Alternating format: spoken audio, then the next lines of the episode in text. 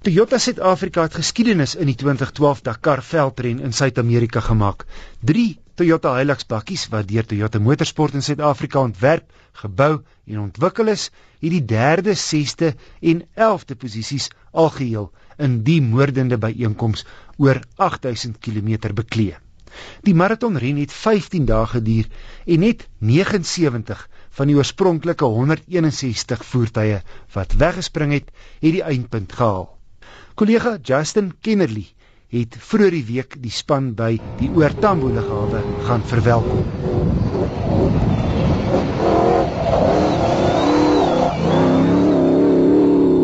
Die Suid-Afrikaners, Janiel de Villiers en Duncan Vos, het twee van die bakkies bestuur. Janiel het die 3de plek beklee en Duncan het 11 geëindig. Hulle prestasie is nog meer verbasend omdat hulle teen kragtige voertuie meegeding het. Toyota Motorsport het besluit om vanjaar reeds hulle voertuie streng volgens die nuwe 2013 spesifikasies te bou. Die besluit het meegebring dat die Hilux bakkies minder krag as hulle mededingers uitgestoot het.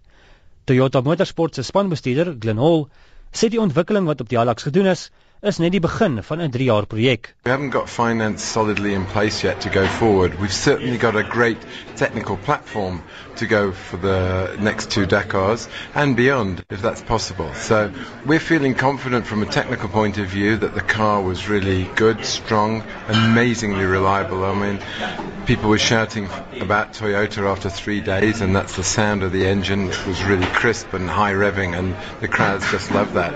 And the fact that the car look precisely like the production vehicle caught a lot of people's imagination. I mean, the Minis are, are really futuristic and it's obviously a prototype car, whereas the Hilux is really based in concept on the production vehicle. Die ontwerper van die Hilux, Michael Jardine, sê hy het slegs 3 maande gehad om die bakkies te ontwikkel maar is tevrede met wat hy en sy span kon uitrig. Ons het baie geleer en en die kar is nog steeds baie nuut. So is baie goed wat ons kan verander. Hierdie jaar gaan weer mal wees want ek wil baie goed verander om die kar vinnig te maak. Nou weet ons hy is uh, reliable. So nou moet ons die spoed uit hom kry. Hol sê hulle het nie aan die Dakar deelgeneem om te wen nie. The Dakar is, is there's two elements to it. One is obviously the speed to, to win. The second is that you have to be ultimately reliable. And uh, the South African off-road rules are very, very similar to the new global rules. So it made no sense for us to do a special car just for this event. We wanted to do something that we raced in South Africa. We knew where it was. And then the expectation isn't as high. We weren't prepared to go out to challenge, you know, a, a multi-million dollar team to win the event. we wanted to come in under the radar, do a good job, and, and see where it went. And luckily, it went very well for us. Genial de Villiers sê die tydren vat baie uit 'n mens, maar hy sien reeds uit na volgende jaar se resies en bly oefen om so fiks as moontlik te bly. Dis baie drainerend. Jy moet die hele tyd konsentreer, nie net in die sneldele self nie, self op die koneksie seksies want ek bedoel uh, ons moet by 'n spoedgrens bly. Ons mag nie meer as 110 km/h ry nie. En in sekere dorpe moet ons 50 km/h ry en 30 km/h so. Jy weet daar's 'n klomp goed wat jy moet dop. Jy kan nie net sit en en ry nie. So dit dit verg baie konsentrasie en en dit is drainerend na na 2 weke. Vir myself persoonlik, ek bedoel ek maak net seker dat ek voor die tyd redelik fiks is wil ek oefen redelik redelik hard uh, voor die tyd om om om om so fiks as moontlik te wees en dit help veral in die tweede week van die wedren want dis wanneer ouens begin moeg raak en begin foute maak. Hol sê Janiel het sy hart en siel in die tydren gesit. One particular stage is worth mentioning in day 4 After two hours and 50 minutes, Janil was 20 seconds behind Stefan Peter Hansel in the Mini on one of the waypoints, checkpoints. Then they got into the softer sand and it changed a bit. But two hours and 50, 20 seconds is quite astonishing. Duncan Vos, wat 11de geëindig het, sê hy die ervaring geniet en dat die ren op veel groter skaal is as die plaaslike veldrenne waaraan hy deelneem. A typical day is you'll drive 400 kilometers, then race 300 kilometers, and then drive another 100 kilometers to the, your final destination. Vos sê hy sal volgende jaar, as hy weer deelneem, baie beter doen. Veral na spanbaas Hol om na die eerste dag in vanjaar se Dakar een kant toe getrek het en mooi aan hom verduidelik het sy ouma loop vinniger as wat Vos kan ry. En so gepraat van vinnig ry, wie kan daardie V8 klankbaan vergeet?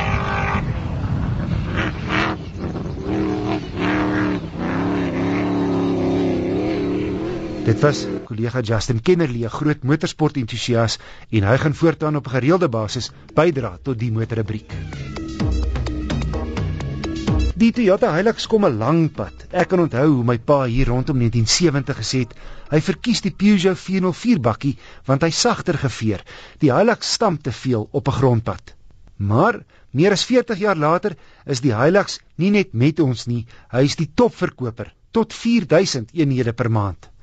Terwyl die Peugeot bakkie, wel, ek wonder of jonger luisteraars ooit weet dat Peugeot 'n bakkie gemaak het. Die Hilux is sopas vernuwe, maar net kosmeties. In wese is dit dieselfde bakkie wat in 2005 sy verskyning gemaak het.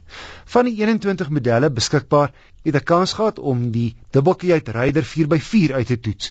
'n Nuwe sierrooster en meer hoekige hoofligte, groter 17 duim wiele, wyer modderskerms en flikkerligte in die syspieëls laat hom nou meer aggressief lyk. Binne is dit die nuwe paneelbord met silwer insetsels ook op die multifunksionele stuur wat opval. Netjies en baie gerieflik. In die middel is hier nou 'n skerm vir al die klank en foonopsies. Hier's ook 'n navigasieknop wat lees met SatNav. Maar druk hom en niks gebeur nie. Hier staan net system not installed. Nou Toyota Suid-Afrika het om een of ander duistere rede dit goed gedink om nie aan kopers die navigasiefunksie te bied nie, selfs nie eers as 'n opsie nie. Die stuurwiel en radkierie kom in leer uit, maar nie op die sitplekke nie.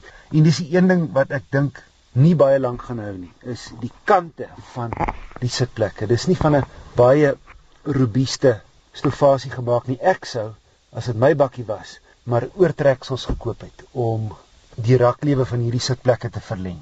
Daar's tog beheer, ses ligsakke en klimaatbeheer wat ek egter gemis het op die 5.3 meter lange voertuig is drie sensors. Hy het ook net 5 ratte vorentoe.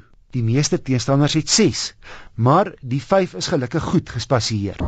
Die ratte is so gespasieer dat 5de 'n lekker ontspanne rat op die langpad is teen aangeduide 120 lê die toere maar so teen 'n rustige 2500. Trap hom weg om 'n kar verby te steek en daar is genoeg krag egter. Die Hilux 3 liter turbo diesel 4x4 is 'n besonder veelsidige bakkie, ook in die veld en hy bestuur maklik. En belangrik, sy reputasie van betroubaarheid loop hom vooruit. Maar stywe kompetisie kom nou in die vorm van die Ford Ranger. Volgende maand kry ek kans om die Ranger te toets, so binnekort meer oor die hoog aangeskrewe teenstander van die Hilux.